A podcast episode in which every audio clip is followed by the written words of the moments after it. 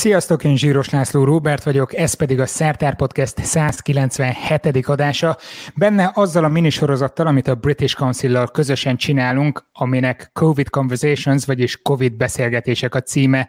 Ebben minden egyes alkalommal brit vagy magyar kutatókkal beszélgetünk arról, hogy a járvány hogyan alakította át az élet különböző területeit. A mai vendégem Vedres Balázs, aki a nevéből is megítélhetitek, hogy magyar, viszont az Oxfordi Egyetem kutatója, úgyhogy szerintem kimaxolja itt mindkét kategóriát, a brit és a magyar kutatót is ebből a szempontból. Mindjárt bekapcsolom őt az adásba, de előtte köszönöm mindenkinek, aki jelképesen előfizet a szertártartalmakra a patreon.com per szertár oldalon, valamint most kiemelten is megköszönöm az Egyesült Királyság Magyarországi Nagykövetségének, hogy szponzorálják a COVID Conversations minisorozatot. Nélkülük ezek az adások nem jöhettek volna létre, úgyhogy köszönöm szépen. Mielőtt a mai szociológiai hálózatkutatós témára e, ráfordulunk, egy gyors felhívás. Tudom, hogy szeretitek a tudományokat, és nagyon sokan vagytok, akik egyetemistaként tanultok különböző tudományos területeken, úgyhogy mutassátok meg nekünk, hogy mivel foglalkoztok. Tedd láthatóvá a tudást. Ez a Ludwig Múzeum és a British Council közös tudományvizualizációs versenye, és e, idézek a felhívásból. Olyan 18 éven felüli egyetemisták jelentkezését várjuk, várják, bár én is, mert hogy a zsűriben benne leszek, akik természet vagy társadalomtudományi tanulmányokat folytatnak, és van olyan izgalmas témájuk vagy kutatásuk, amit szívesen bemutatnak. Ehhez vizuális eszközöket kell használni, maximum három percben. A témák bemutatása több művészeti formában lehetséges, prezentáció, adatvizualizáció, mozgókép, fénykép, rajz, animáció, 3D alkotás, stb. stb. Az első hely 150, a második 100, a COVID külön díjas pedig 50 ezer forintos díjazásban részesül részesül. Itt nyilván arról van szó, aki COVID témát dolgozna fel. Emellett könyvjutalmak és egy egyéves bérlet is jár természetesen a Ludwig Múzeumba. Ennek a részleteit a linken megtaláljátok az adásnak a leírásában, mert hogy ezt most élőben vesszük fel ezt az adást élő közönség előtt itt a Szertár YouTube csatornáján, és azt hiszem, hogy a mai vendégem talán azzal az egyel lógnak ki ebből a sorból az ideális pályázók közül, hogy ő maga nem egyetemista, viszont mindent kimaxol szerintem, mert hogy szociológus, hálózatkutatással foglalkozik, nagyon izgalmas témája van, és adatvizualizációban is egész biztos, hogy otthon van. Szervusz Balázs! Szervusztok, jó estét kívánok mindenkinek, köszönöm a meghívást! Nagyon jó volt, hogy mielőtt bekapcsoltalak itt az adásba, itt elég sokat beszélgettünk arról, hogy milyen borzalmas nálatok a hálózati lefedettség, már ami a internetet illeti. Ehhez képest miért elindult az adás, rögtön ilyen kristálytiszta képpel jelentkeztél be. Remélem, remélem sikerül. Igen, érdekes, hogy itt Oxfordban én az Oxford Egyetemnek vagyok tanára meg kutatója. Az internet lefedettség nem olyan jó, mint Budapesten. Ez valószínűleg a budapesti mérnökök munkáját dicséri, meg a maga, magyar távközlés fejlesztést. Itt sajnos sokszor a mobiltelefon híváshoz csak kert végébe kell kimenni, hogy legyen vétel. Tehát itt módi minden. A, amikor az ember társadalomtudományokra gondol, szociológiára, akkor lehet, hogy csak a második gondolata lenne az, hogy hálózatkutatás az hogy jön itt szóba. Igen. Viszont azt beszéltük még az adás előtt, hogy te annak idején a CEUN a hálózat és adattudományi tanszéknek a megalapításában részt vettél, tíz éven keresztül vezetted is ezt. Ez hogy néz ki ez a munka, vagy mielőtt rátérünk a COVID-dal kapcsolatos kérdésekre, csak hogy egy kicsit helyzetbe hoz minket, hogy hogy néz ki mondjuk egy szociológus munkája a hálózat kutatókkal együtt, vagy neked honnan jött Igen. ez az érdeklődés? A, a hálózatkutatással én nagyjából rendszerváltással egy időben kezdtem foglalkozni, és onnan jött az az érdeklődésem, hogy én a gazdasági átalakulás eliteivel foglalkoztam a egyetemista korom elején. És az egyértelmű lett, hogy a gazdasági változások és a gazdasági elitek megértéséhez muszáj tudni azt, hogy ki kihez kapcsolódik és ki kit ismer. A privatizáció története, a spontán privatizáció, a gazdasági vezetők átalakulása politikaivá vagy politikaiból gazdaságivá, ezt nem lehetett megérteni anélkül, hogy a kapcsolatrendszereket ne értenénk. És nekem minden jött ez az érdeklődés, hogy például a bankok hatalmát a gazdaság világában megértsük, és ez volt az egyik első publikáció még a 90-es években.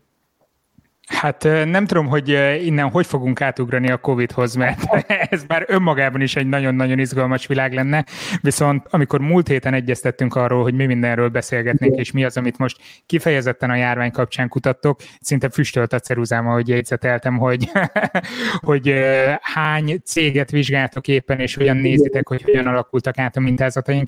Ebbe egy picit be tudsz minket vezetni? Igen, az, a, az az érdekes a, a járványjal kapcsolatban, hogy a távmunkára való hirtelen átállás, ugye korábban kb. 5% a, a, a dolgozóknak volt az, aki, aki igazán távmunkában dolgozott, és ez hirtelen elérte az 50%-ot, vagy még többet. Most ez a, ez a fantasztikus átmenet, ez nagyon mély hatással volt a munkakapcsolatokra is. Tehát az, hogy Fantasztikus megért... átmenet? Hát ez, ez, egy, ez egy drasztikus átmenet volt, és itt több dologtól féltünk, amikor ez az egész elkezdődött. Az első téma talán a bizalmi kapcsolatok meggyengülése vagy elvesztése. A, Azt hogy tudjátok mérni, hogy milyenek a bizalmi kapcsolatok? A, az egész járványok kapcsolatban az volt a szerencsénk, hogy Január-februártól kezdve körülbelül 50 céggel dolgoztunk már együtt, ahol a kérdőívek alapján felmértük azt, hogy ki milyen bizalmi kapcsolatban van kivel egy cégen belül. Ezek a cégek mind önkéntes alapon felajánlották a, az adataikat a tudomány szempontjára, természetesen úgy, hogy minden azonosíthatóságot töröltünk belőle, és ezekből az adatokból, egyszerű kérdésekből, például ki az, aki személyes ügyeket meg tud beszélni valaki mással. Ezekből az egyszerű adatokból kirajzolódik egy olyan hálózat, ami az egész szervezet egészségére nagyon sok mindent elárul. És ezekből az adatokból... Ezek elég, elég szub, szubjektív dolgok, nem? Tehát, hogy ezeken hogy tudtok végigmenni, szűrni, hogy ki mi az, amit fontosnak tart, Igen. megemlíteni? Az az érdekes, hogy a szubjektív kis döntésekből, tehát amikor a, a, a Géza eldönti azt, hogy a, hogy a Bélával bizalmi kapcsolatban is tényleg tud segítséget kérni tőle, ez egy szubjektív megítélés kérdése, de amikor egy ezerfős vállalatban mind az ezer munkavállalók között megvan ez a kapcsolat, akkor már a mintázatokból olyasmiket tudunk kiolvasni, amikor az egyéni szubjektív mérlegelés már ki mosódik, mint egyszerű zaj, és kirajzolódnak robotikus mintázatok. Igazából ez a hálózatelemzésnek a lényege, hogy a tömegek bölcsességét kezdje használni arra, hogy a, a kis döntések, válaszok nagyobb mintázatából kirajzoljunk valamilyen tendenciát. És mit láttatok ebből a tömegbölcsességből? Itt most azt láttuk a, a járvány idején, tehát összehasonlítjuk mondjuk a január-februárt a, az áprilissal, hogy nem csökkent a kapcsolatok száma általában. Van olyan szervezet, ahol több mint kétszer annyi munkakapcsolat alakult, van olyan, ahol fele annyi, nagyon nagy a szórás, viszont a bizalmi kapcsolatok majdnem kivétel nélkül mindenütt gyengültek, ritkábbak lettek. És ez egy elég ijesztő fejlemény volt. És ez a gyakorlatban ez hogy néz ki? Kevésbé kezdtek bízni effektíve az emberek egymásban, vagy, vagy úgy gondolták inkább, hogy itt vagyok bezárva a négy fal közé úgy is, akkor inkább magamnak kell megoldani mindent, tehát minek kérjek segítséget mástól. Tehát lehet, hogy nem a bizalmuk ingott meg, sokkal inkább az önbizalmuk nőtt meg, lehet ezt így fordítani? Én azt hiszem, hogy inkább arról van szó, hogy a, a egymással való kapcsolattartásnak a sávszélessége lecsökkent. Tehát ha most elképzeljük ezt a beszélgetésünket, amit most folytatunk, és itt a, a közönség, aki itt van körülöttünk virtuálisan, elképzeljük ezt, hogyha egy, egy tényleg egy szobában, egy teremben lennénk, egy színházteremben, vagy egy, egy előadóteremben, mennyivel jobban tudnánk egymással kommunikálni, mennyivel jobban tudnád jelezni, hogy, van itt egy érdekes kérdés, egy kitérő, valami nem világos, valami kapcsolódik valami máshoz, mint most így ezen a, ezen a képernyőn keresztül. ahol rá... Azért ezt megjegyzem, hogy a nézőknek most megvan a lehetőségük, hogy írjanak be nyugodtan, ha vannak kérdések, mert azonnal tudunk vele foglalkozni. Igen, de ez azt hiszem mindenkinek a tapasztalata, aki, aki ilyen képernyőn keresztül tartja a kapcsolatot kollégákkal, családdal, egyebekkel, barátokkal, hogy ez a fajta kapcsolattartásnak a, a gazdagsága azért jóval kisebb, mint egy, egy személyes négy közti igazi fizikai térben való találkozásnak a, a sávszélessége társadalmi értelemben. Ez az, ami nagyon rányomja a bélyegét az együttműködések bizalmi tartalmára. Ugye, amikor, és amikor egy... ezt megállapítjátok, akkor ezt egyszerűen deskriptíven leírjátok, ez van kész, vagy próbáltok valami megoldási javaslatot tenni, amivel ellensúlyozni lehet ezeket a hatásokat? Az az érdekes, hogy, hogy mivel ezekkel a cégekkel hosszabb kapcsolatban vagyunk, vissza tudunk menni, és meg tudjuk kérdezni azt, hogy mégis mivel tudták, mivel tudnak segíteni itt, vagy tudunk javasolni olyan dolgokat, amiket az egyik szervezetnél láttunk, működik, próbáljuk ki a másiknál is. Ami egyértelműen látszott, hogy a vezető, egy csoportvezető, tehát egy alsóbb menedzser szerepe alapvetően meg kell, hogy változzon. Egy alsóbb vezetőnek a szerepe átalakul olyan szempontból, hogy sokkal több időt kell töltsön azzal, hogy a, a dolgozóival, a beosztottaival egy az egyben kapcsolódjon hogy többféle csatornán, telefonon, videóhívásban, kisebb csoportokban, egy az egyben tartsa ezt a kapcsolatot, ez az idő büdzséjének most egy menedzsernek jóval nagyobb részét köti le, mint korábban. A más... gondolom elég nehéz helyzetben van, nem hiszen az egy dolog, hogy eh, korábban mondjuk a munkahelyen ezt meg tudta volna csinálni, de most otthon van. Lehet, hogy ugyanabban a szobában, vagy a szomszéd szobában a gyerek, két gyerek mondjuk az egyik tesi órán van, a másikon meg másik meg énekzenén, úgyhogy sokkal nehezebb talán így összehangolni, nem? Igen, igen, igen. Ez abszolút így van, sokkal nehezebb mindenkinek a dolga, és, és ezért például a csapatokat is, egy, egy munkacsoportot is sokkal kisebbre kell szervezni. Korábban egy, egy fizikai térben, egy, egy irodaházban 7-10 ember még hatékonyan tud dolgozni egy csoportban. Most úgy látjuk, hogy inkább 4-5 az a határ, akik azon keresztül, hogy rákényszerülnek a, a netes kapcsolattartásra, hatékonyan tudnak még dolgozni. Uh-huh. Nagyon hiányoznak azok a formák, azok a, a, a, a válbaverések, azok az összekacsintások, azok a nagyon gyors és hatékony módjai a, a, a pozitív kapcsolatoknak, a pozitív ö, kommunikációnak, ez majdnem, hogy teljesen megszűnt a, a képernyőn keresztüli kapcsolattartásban. Gondolom adatokat nem adhatsz ki, hogy pontosan mely cégekről van szó, de azt azért meg tudod világítani, hogy milyen területen mozognak ezek a cégek, illetve mekkora méretűek? Nagyon eltérő. Vidéki élelmiszeripari kis cégektől, agrárcégektől egészen a, az országos méretű nagybankokig, távközlési cégekig minden van a, a partnereink között, és rengeteg külföldi nemzetközi vagy világcég. Tehát van olyan cég, ami tényleg az egész világon több százer embert foglalkoztat. Nagyon érdekes volt látnunk azt, hogy a kapcsolathálózatokon keresztül igazából 5 főtől 500 ezer főig mindenütt lehet olyan következtetéseket mondani, amit a szervezetben lévők maguk nem látnak. Ezt magam is tapasztaltam, amikor nekem volt egy kis cégem, és a saját kapcsolathálónkat felmértük, mi csak öten voltunk, de amikor a saját magunk munkakapcsolatait felmértük, olyan meglepetések kerültek elő, amiket egyikünk sem igazán tudott az ötünk közül. Ez lehet, hát, hogy sokaknak meglepő, mert azért egy ötfős cég azért úgy érezni az ember, hogy nagyon jól átlátható, akár leültök a, nem tudom, a konyhájában egy kávéra, amit itt Móni is ír, hogy nincs közös kávézás, tehát Igen. akkor úgy érezheti az ember, hogy tökéletesen tisztában van a hálózat bonyolultságával, nem? De ezek szerint voltak meglepetések. Ezt, ezt mi is így gondoltuk, és kiderült, hogy ez egy túlzott magabiztosság volt. Annak ellenére, hogy maga a cég az hálózatelemzéssel foglalkozott, mind az öten ebben, ebben voltunk, magunk is meglepődtünk a saját kapcsolatunk, munkakapcsolatainknak a a szerkezetén. Az az érdekes... A cipője. Igen, a Schuster cipője, egész pontosan.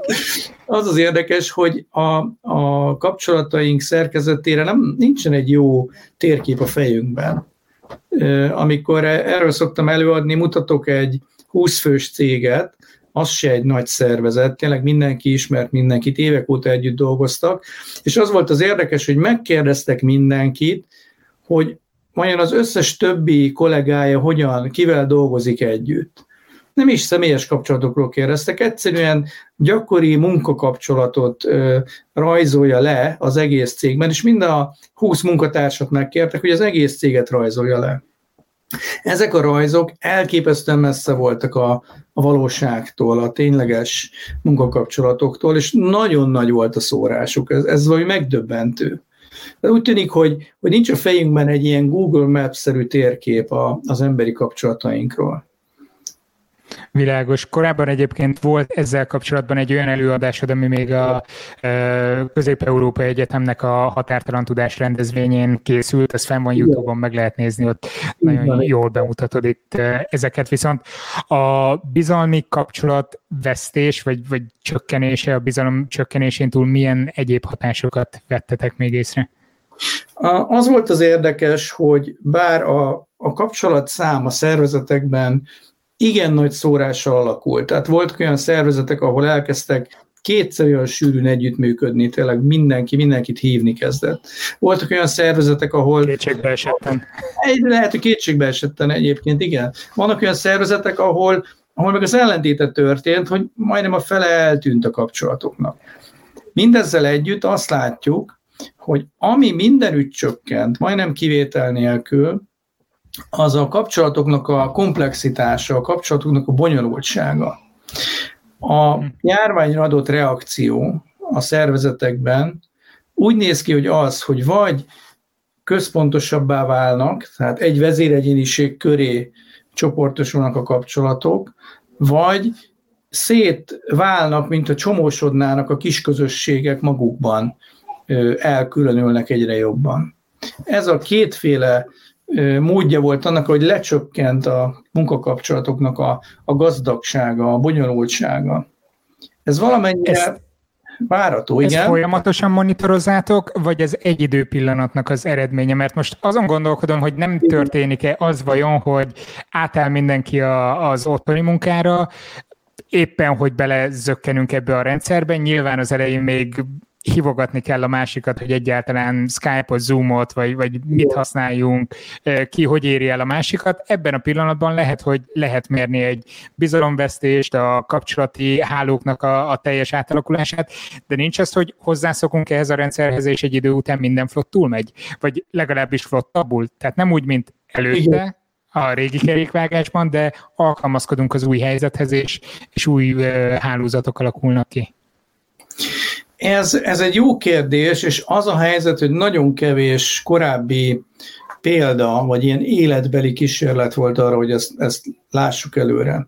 Egy dolgot találtam, egy francia kutatást, ahol egy egyetemen kutatók együttműködését vizsgálták, és a, az egyetemen egyszer csak mindenki távmunkába kellett küldeni, mert kiderült, hogy olyan azbest szennyezés van az épület szigetelésében, ami nagyon egészségtelen. Tehát valahogy ez a probléma hirtelen előtérbe került, és mindenkit hazaküldtek illetve szétköltöztettek egyéb irodákba, a korábbi együttműködéseket teljesen távmunkával alakították. A, a kutatóknak a teljesítménye rendkívül megsínlette ezt, és ez még egy-két évvel később is látszott. Kevesebb új ötletet találtak, kevesebb publikációt írtak, kevesebb kutatást kezdtek el. Tehát ennek a, a tanulsága nem túl biztató számunkra, hogy itt a hosszú távú ö, jövőjét nézzük a távmunkának. Gondolom sokkal egyszerűbb a cégeken belül adatokat eh, kinyerni ezekre a kapcsolatokra, de eh, azt tudjátok vizsgálni, vagy tudsz arról, hogy valami kutatócsoport vizsgálta azt, hogy mondjuk a lockdown, a bezártság az, az hogyan alakítja át mondjuk az embereknek a személyes kapcsolatait? Tehát azt, azt érezzük mindannyian, mondjuk nem megyünk az idősebb rokonokhoz, próbálunk távol maradni nagyobb társaságoktól már aki, de hogy ez erre nézve vannak tudományosan mérhető adatok, mert azért máshogy érzékeli az ember a dolgokat, mint ahogy Igen. időnként a statisztikával kimutatható. Igen, ezzel most foglalkoznak, elég sokan pszichológiai kutatások zajlanak. A, a, az egészségnek az egyik alapeleme igazából az emberi kapcsolat. Egy, egy pár éve jelent meg egy orvosi folyamatban egy cikk, ami engem nagyon megdöbbentett. Azt gerebjézték össze, hogy vajon milyen viselkedésbeli változások azok az életünkben, amik a, a élethosszunkat meg tudják növelni. Tehát mit kell ahhoz tennünk, hogy tovább éljünk? Ez volt az orvosi cikknek a, a kérdése. Már szeretnénk egyáltalán. Hát igen, tehát ez, ez feltéve, hogy szeretnénk hosszabb életet, akkor mit kell tennünk? Dohányzás abbahagyása, alkohol csökkentése, testsúly csökkentése, több mozgás, vérnyomás problémák kezelése, minden ilyesmit megnéztek.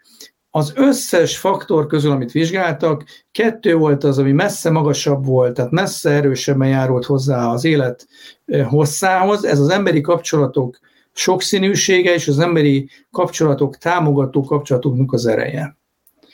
Ez egy megdöbbentő eredmény volt. Kicsit cinikusan mondhatnám azt is, hogy akinek jó, gazdag kapcsolatai vannak, az nyugodtan ihat és cigizhet, mert ez a legfontosabb faktora az, az élethez, az, é, az élethozhoz. És ez sokszor látszott, hogy idős embereknél, krízis helyzetekben abszolút meghatározó vizsgálták egyszer a, egy csikágói hőhullámot, amikor a, a, az, hogy ki az, aki belehalt ebbe a 45 fokos hőségbe, az nagy részt azon múlott, hogy ki volt magányos, és kinek nem volt kapcsolata.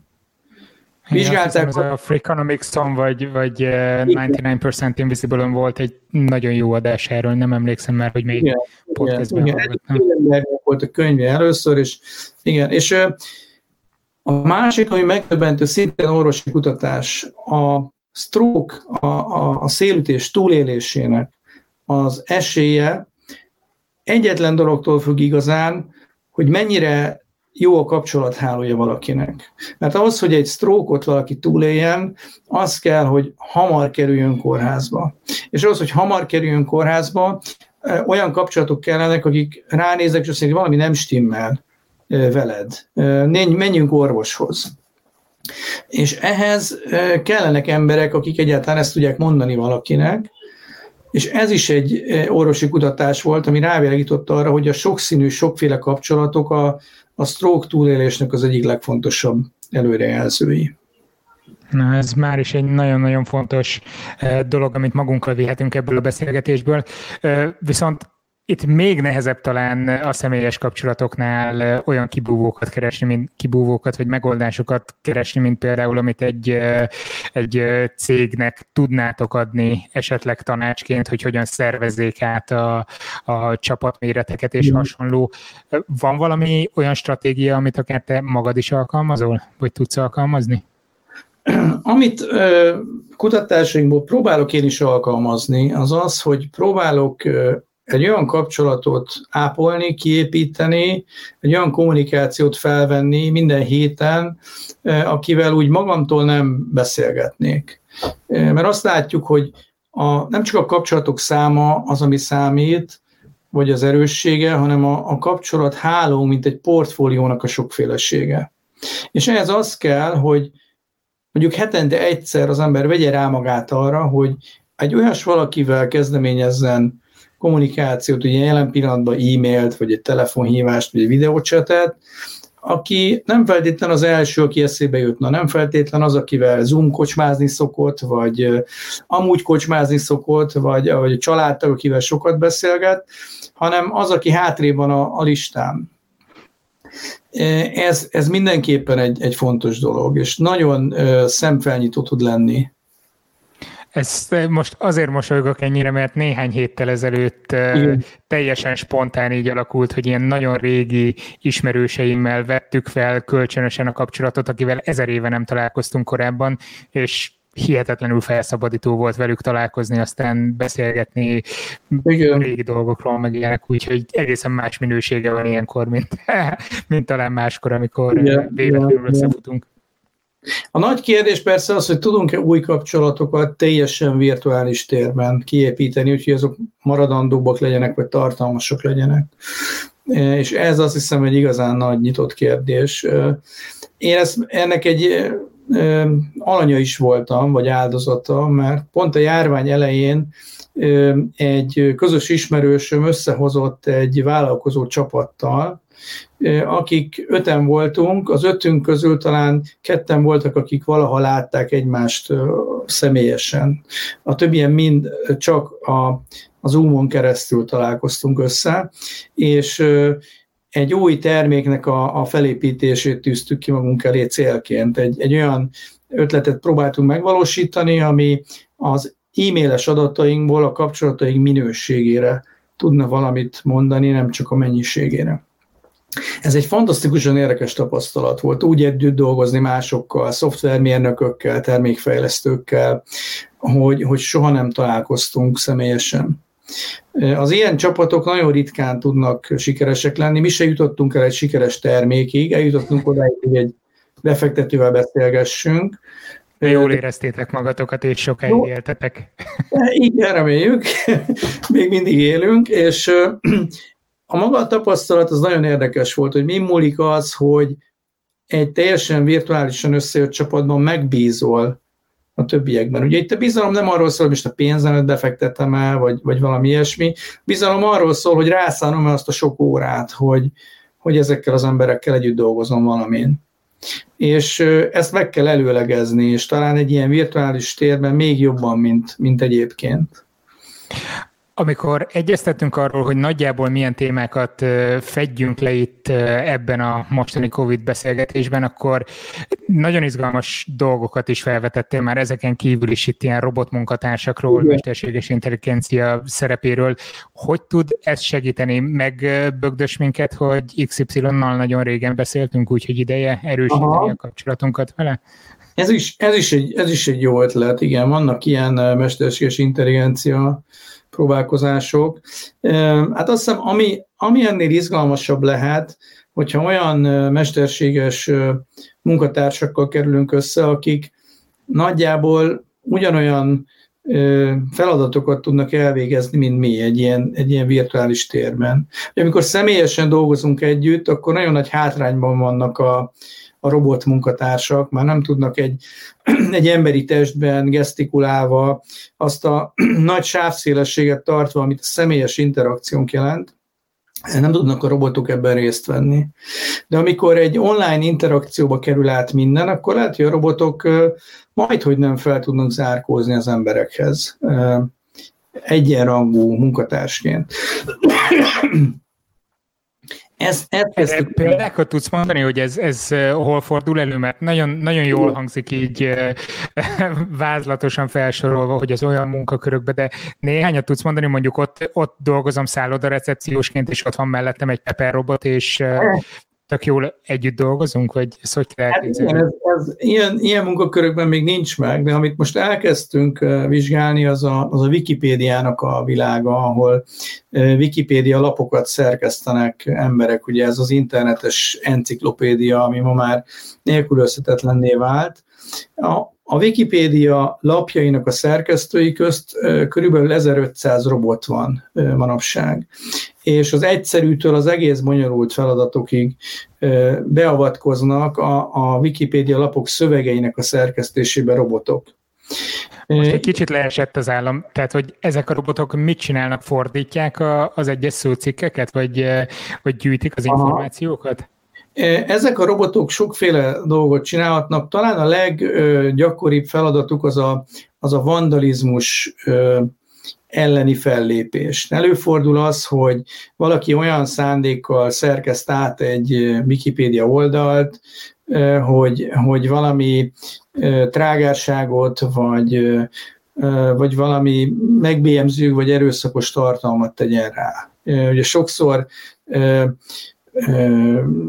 tudom én, Mohamednek a Wikipédia oldalát, vagy Jézus Krisztusét, vagy Adolf Hitlerét, ezeket az oldalakat rengetegszer éri ilyenfajta rossz indulatú szerkesztés, és ezeket a szerkesztéseket nagyrészt robotok fordítják vissza, akik már annyira okosak, hogy fel tudják mérni azt, hogy vajon a szerkesztés jó vagy rossz indulatú volt. Tehát, hogy tényleg egy új információ, vagy egy újfajta megfogalmazás került elő Jézus Krisztusról, vagy, vagy valaki ilyen ártó, zavaró céllal piszkál bele abba az oldalba. Tehát ezt már robotok tudják követni, és tudják figyelni. De, de ennél bonyolultabb szerkesztői feladatokkal is foglalkoznak már, nem csak a, az elütéseknek a javítására, hanem egész szövegkohéziónak a javítására, a szövegek közti összefüggések figyelésére is be vannak már állítva. És ugye egy nagyon érdekes kérdés, hogy mi történik akkor, hogyha én szerkeztek egy Wikipédia oldalt valakivel együtt, és, és velünk együtt elkezdi egy robot is szerkeszteni azt az oldalt. És akkor szól, hogy rosszul tudjuk. Hát, hogy vajon én ezt hogyan fogok hozzáállni, hogy, hogy abba hagyom az oldal szerkesztését, mert, mert nem akarok egy robottal együtt dolgozni, mert lehet, hogy agyatlanul csak kitörli azt, amit én ide beírok, vagy, vagy éppen azt fogom gondolni, hogy ez a robot, ez a, ennek van egy tulajdonos, aki kódolta és aki üzemelteti, biztos annak az érdekeit fogja követni, és akkor azért fogok egy picit távol maradni ettől. Tehát a, megint csak a bizalmi kapcsolatok azok, amik lehet, hogy meggyengülnek, amikor robotokkal dolgozunk együtt egy közösségben. Ez nagyon izgalmas, amit itt felvetsz a Wikipédia kapcsán, hogy milyen robotokkal együtt dolgozni egy közösségben, de akkor ezeket a kutatásaitokat ki lehet terjeszteni majd arra korra is, vagy ami egyre inkább itt van, ahol mondjuk nem tudom, ügyfélszolgálatosokkal beszélünk, amikor felugrik ilyen chatbottal valamelyik honlapon, és hasonlók, hogy hogyan állunk hozzá. Igen. Őszintén szólva, rengetegszer van, hogy felugrik egy oldal, lenne kérdésem, igen. nagyon egyszerű, meglátom, hogy hello, a chatbot vagyok, aztán bezárom az oldalt úgy, igen. De sose gondolkodok azon, hogy most bízom benne, vagy nem, hanem, hanem egyszerűen szeretnék egy emberrel kommunikálni. Igen, ez, e, ennek rengeteg kutatása van az ember és a gép közti interakciónak.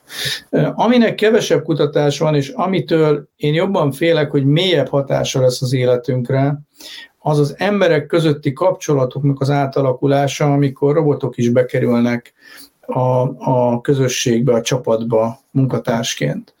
Igazából ez szerintem a mélyebb kockázat és a mélyebb átalakulás, amikor Például egy, egy munkacsoportban te megteheted azt, hogy vásárolsz, vagy fejlesztesz egy robotot, akit betehetsz a munkatársak közé egy új munkatársként. Vajon mi a hatása ennek a, a dolgozók közötti kapcsolatokra?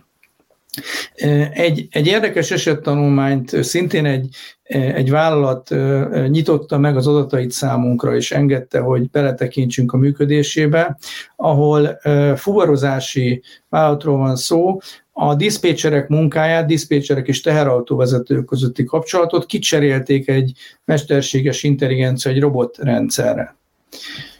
És amit itt láttunk, az az, hogy a, a teherautó sofőrök egymással való bizalmi kapcsolata, és a, az ő megelégedettségük az rohamosan csökkent, és rengetegen elhagyták ezt a céget, pedig a cég az olyan hozzáállással vezette be ezt az új rendszert, amire rengeteg pénzt is költöttek, hogy, hogy éppen, hogy hatékonyabbá vagy könnyebbé tegyék a teherautósofőrök munkáját.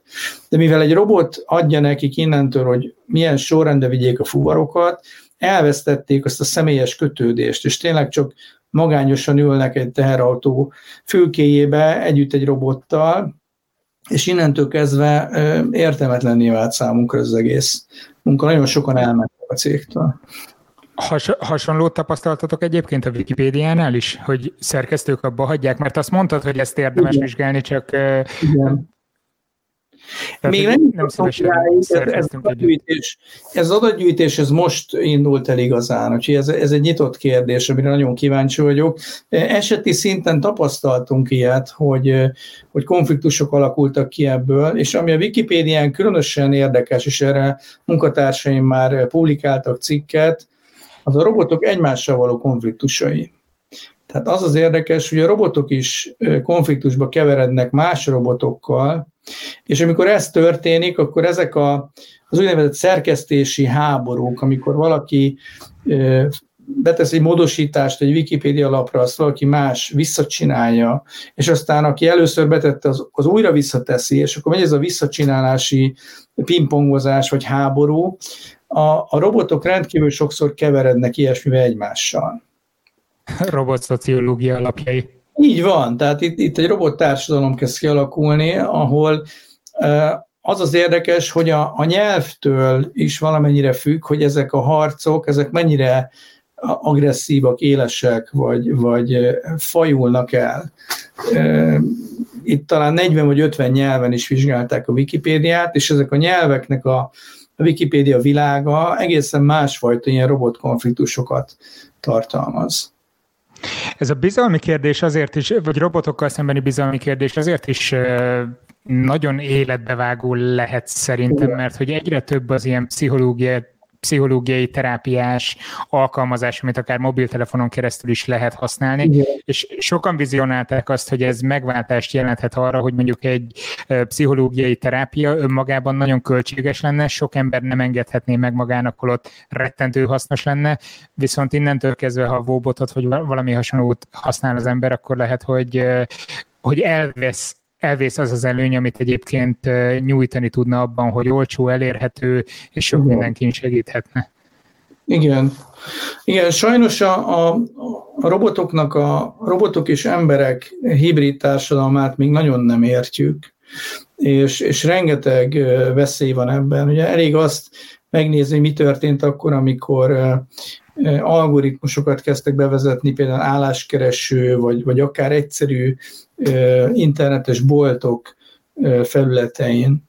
Ezekből az egyszerű algoritmusokból, ami csak arról szól, hogy ha valaki érdeklődik egy állás lehetőség iránt, milyen más állás lehetőségeket mutatok neki, hogy talán ez is érdekelne. Ezek az egyszerű ajánlórendszerek is rendkívül sok egyenlőtlenséget hoztak be, például etnikai vagy nemi egyenlőtlenségeket erősítettek föl. Az Amazonnál volt egy pár éve, hogy próbálták egyszerűsíteni a munkatársak felvételét, rengeteg CV-t kell átnézni az Amazonnak a, a alsóbb szintű munkakörök betöltéséhez. És próbálták ezt egy robotra bízni. A robot rendkívül hatékonyan dolgozott, azt próbálta nézni, hogy olyat vegyen föl, akit korábban preferáltak a cégnél, és ennek az lett a vége, hogy az összes női jelentkező életrajzát kidobta.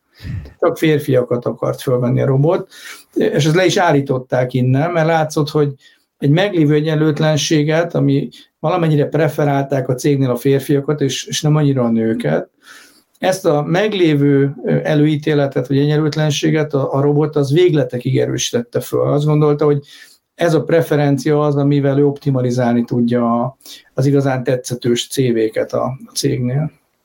Igen, erről elég részletesen beszélgettünk erről a témáról, talán másfél éves Szalai Ferivel, Weapons of Math Destructions, azt hiszem az volt annak a könyvnek a címe, ami, ami kifejezetten ezzel foglalkozott, hogy milyen biasek, ilyen előítéletek vannak beépítve inherently ezekbe a, nagyon nehezen tudom átfordítani ezekbe a rendszerekbe, úgyhogy ez, ez, ez egy nagyon komoly téma. Viszont általában az szokott lenni, hogy amikor technológiáról kezdünk el beszélgetni, itt Mihály írta is, hogy ne legyek luddita, nem leszek, tehát, tehát amikor technológiáról kezdünk beszélgetni, mindig elindulunk onnan, hogy fú, milyen fényes új jövőt ígér nekünk, és valahogy az adások vége mindig arra kanyarodik ki, hogy fú, itt borzalmas világ jön, amihez hozzá kell szoknunk. Mm-hmm. Meg lehet ezt fordítani most egy kicsit? Kivételesen, mert hogy eleve a bizalomvesztésről indultunk, de tudsz esetleg olyan eh, reménykeltő eseteket felvillantani, ahol akár a jelenlegi COVID helyzetben is ö, eh, tudnak nekünk segíteni, mondjuk az algoritmusok, vagy, vagy eh, a kutatásaitok tudnak olyan biztató eredményekkel szolgálni? Amit, ami érdekes volt itt az egyetemen, ez egy, ez egy mostani példa, épp most a hetekben szervezzük a diákoknak a, a poszter kiállítását. Minden évben az adatvizualizációhoz kötődik, amivel kezdted a mai beszélgetést. Adatvizualizációs kiállítást szervezünk diákoknak. És ez fantasztikus jól szokott sikerülni, egy nagy teremben a falon kint vannak a posztereik, mindegyik poszternek az alkotója elmeséli, hogy ő, hogy ő mit csinált, és ugye idén ezt nem tudjuk megtenni, és azt gondoltuk, hogy ez egy nagy hátrány lesz, és a, a én az internet intézetben vagyok itt Oxfordban, rengeteg olyan eszközünk van, amit ilyenkor elő tudunk húzni, és valaki elővette egy múzeumoknak fejlesztett szoftvert, amivel a diákok feltöltik a poszterüket eh, erre az online felületre, és akik eh, kommentálják, vagy meglátogatják a poszterüket, azok a poszterek bármelyik helyén el tudnak helyezni egy pöttyöt, és ahhoz a pöttyhöz egy egy hozzáfűzést, egy hozzászólást, akár audióval, akár szöveggel, képpel, bármivel, linkekkel, és magán a poszteren indultak el beszélgetések annak mindenféle részéhez fűzve, és kiderült, hogy sokkal hatékonyabb és érdekesebb és használhatóbb ez az online formája a poszterkiállításnak, mint amikor a falon volt egy nyomtatott poszter. Végülis magunk is tanulunk abból, hogy vannak dolgok, amik sokkal jobban működnek, teljesen online. A poszter szekció mindig az szokott lenni, aki nem akar előadni, az gyorsan csinál egy posztert, a mellett csak ott átcsorogni kell, aztán remélhetőleg senki nem megy oda. És ugye most nem átcsorogni kell, hanem, hanem mindegyikhez oda tud menni mindenki, és mindegyikhez, mindegyiken elkezdődik egy ilyen több folyamos beszélgetés, ami pont ezt a, ezt a furcsa, sokszor nem hatékony poszterezést javította föl valami érdekessé. Mihály vetít fel a csetben, hogy a régiek elmennek, gondolom a régi hálózatok, de nem Igen. lép a helyére egy jól működő hálózat? Igen.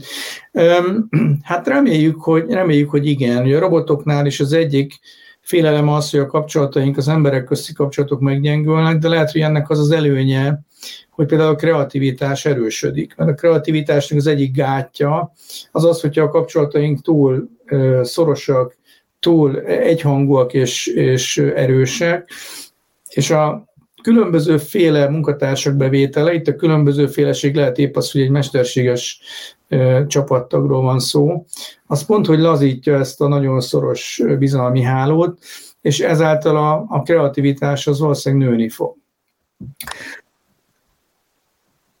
Mennyire köz, közben azon gondolkodom, ami részben összefügg ezzel a kérdéssel, illetve azzal, amit, amiről elkezdtünk beszélgetni még az adásnak az elején, Igen.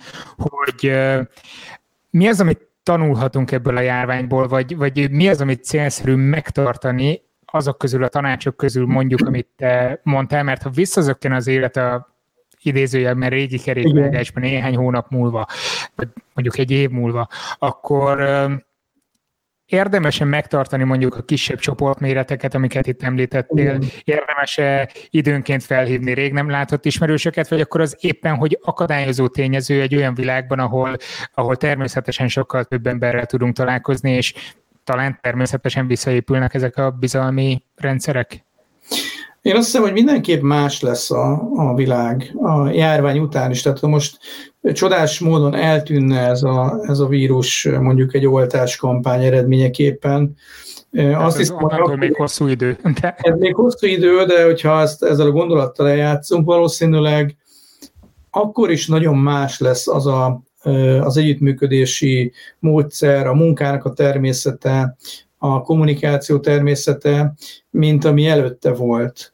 Már előtte is elindult a, a rugalmas munkának, a, a távmunka és a, és a helyben végzett munkának a, a keveréke, ezzel kísérleteztek szervezetek, és azt hiszem, hogy ezek a kísérletek jelentősen felerősödnek, és mindannyian valószínűleg beemeljük a, a kapcsolattartás módszerei közé ezeket a videó kapcsolódásokat, hiszen nagyon sokszor van amúgy is, hogy hogy nem tudunk személyesen találkozni valakivel. Tehát meg lesz a helye ennek a fajta kapcsolattartásnak a, a személyes munka mellett. De nagyon sok előnye van a, a digitális kapcsolattartásnak. Az egyik az a visszakövethetőség, a visszatekerhetőség. Amikor a, az órákat tartom most az oxfordi diákoknak, egy ilyen nagy Zoom meetingben ülnek a, a diákok, ilyen kis bélyegméretű képeket látok belőlük. Minden ilyen órának van egy felvétele, amit, amit elmentünk, és a diákok számára elérhetővé teszünk.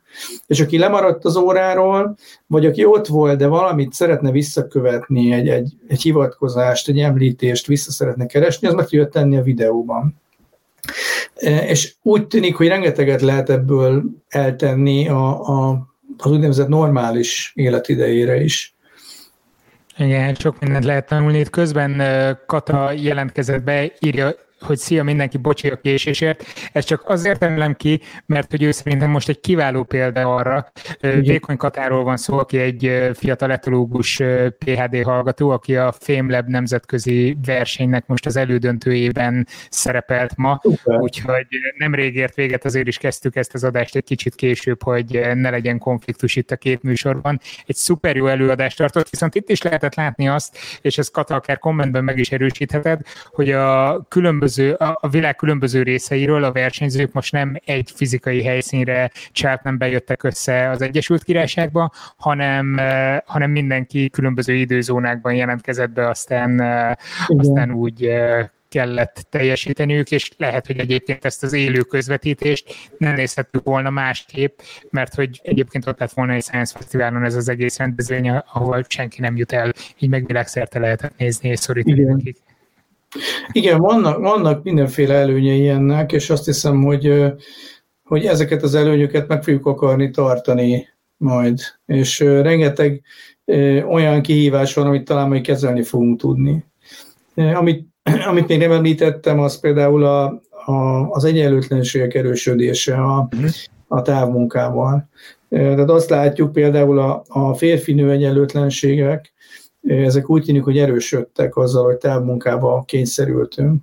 Ami a kapcsolati adataink alapján látszik, az, hogy a, a nők többet kapcsolódnak, tehát lehet, hogy többet dolgoznak, aktívabbak, viszont valamennyire a, a perifériára kényszerültek. Tehát a, a munkakapcsolatokban hiába aktívabbak a nők most a, a járvány idején, de a férfiak kerülnek jobban a középpontban. Azt ez... lehet tudni, hogy ennek mi az oka, vagy mi áll a hátterében? Mert logikusan Igen. talán úgy gondolnám, hogy amikor úgyis mindenki távmunkában van, ott sokkal kevésbé érvényesülnek ezek a hatások, amik mondjuk fizikailag felléphetnek. Igen, ez, ezen mi is gondolkodunk, hogy ez miért lehet. Én azt hiszem, hogy ami a, a videókapcsolódásoknál egy, egy jelenség, az az, hogy a, aki csendesebb, az sokkal könnyebben elsikkad, sokkal könnyebben végigül úgy egy találkozót, hogy meg sem szólalt. És sokszor a, a, a nagyhangú férfiak, azok egy, még egy valós teremben, egy, egy, egy asztal körül ülve, egy idő múlva ránéznek a hölgy kollégák, és azt mondják, hogy na most ne arra, hogy sokat beszéltünk, most te is mondd el, hogy mit gondolsz. Egy ilyen virtuális világban lehet, hogy észre sem veszik, hogy ott van ez a kollega, aki, aki nem szólalt meg. Ugye egy Zoom képernyőn egy, csak egy bizonyos számú ember fér oda, a többiek a második, harmadik lapra kényszerülnek, és, és így nagyon könnyen elsikadnak, végülnek egy meetinget, úgyhogy csöndben maradnak. Én azt hiszem, hogy lehet egyfajta ilyen ö, ö, hatás itt, hogy aki, ö, aki amúgy is ö, ö, szélére van szorítva egy találkozónak, és sokszor a nőket a szélére szorítják a férfiak, azok most itt a virtuális meetingekben sokkal könnyebben elsikkadnak, vagy, vagy nem jutnak szóhoz. Uh-huh. Erre van esetleg valami javaslat, hogy hogyan lehetne ezen segíteni, ezen a problémán? Ja, írja Móni, gondolom saját tapasztalatából, hogy vagy a másik probléma, Igen. hogy otthon vannak a gyerekek, és Igen. Igen. Igen. sokkal többet Igen, de az volt az egészben az érdekes, mi is azt vártuk az adatokból először, hogy talán a nők azok kevesebbet tudnak kapcsolódni, mivel hogy sokkal több otthoni feladatuk van a távmunkával egy időben, de azt látjuk, hogy ez nem igaz, tehát a nők sokkal többet tartanak kapcsolatot, munkakapcsolatot, most erről van szó csak, és azzal együtt, hogy aktívabbak, a, a szélére szorulnak jobban. Tehát ez egy ilyen kettős egyenlőtlenség. Úgyhogy amit lehetne tenni ezzel, szerintem az első, ami, ami egy általános megoldás a táv kapcsolódásnál, hogy csökkenteni kell a csoportméretet. Tehát legyen egy akkora csoport, hogy egy képernyőre ráférjünk. Tehát mindenkinek ott van a, a kis ablaka, ezért egy idő múlva, még akkor is, hogyha nagyhangú férfiakkal van tele egy csapat, eszükbe fog jutni, vagy eszükbe kell, hogy jusson az, hogy van itt egy kollega, akinek nem adtunk még szót. Esetleg egy nő, egy fiatal női kollega, és akkor talán előjön belőlük, hogy ne arra úgy, most te is mondd el a, a véleményedet, Hogyha ez a kollega már... Egy pozitív AI, ami jelzi, Igen. hogy bocsánat, de te most kevesebbet beszéltél, úgyhogy... Igen, igen, tehát ez, ez lehet, hogy erre kell egy, egy ilyen egyenlősítő mesterséges intelligencia. Talán, talán lesz ilyen is, amikor az egyenlőséget fogják segíteni ezek a gépek. Azt mértétek, vagy, vagy ráláttatok ilyen adatokra, hogy, hogy ez a bizalomvesztés, amiről beszéltél, ez mondjuk a nők vagy a férfiak körében erősebbe?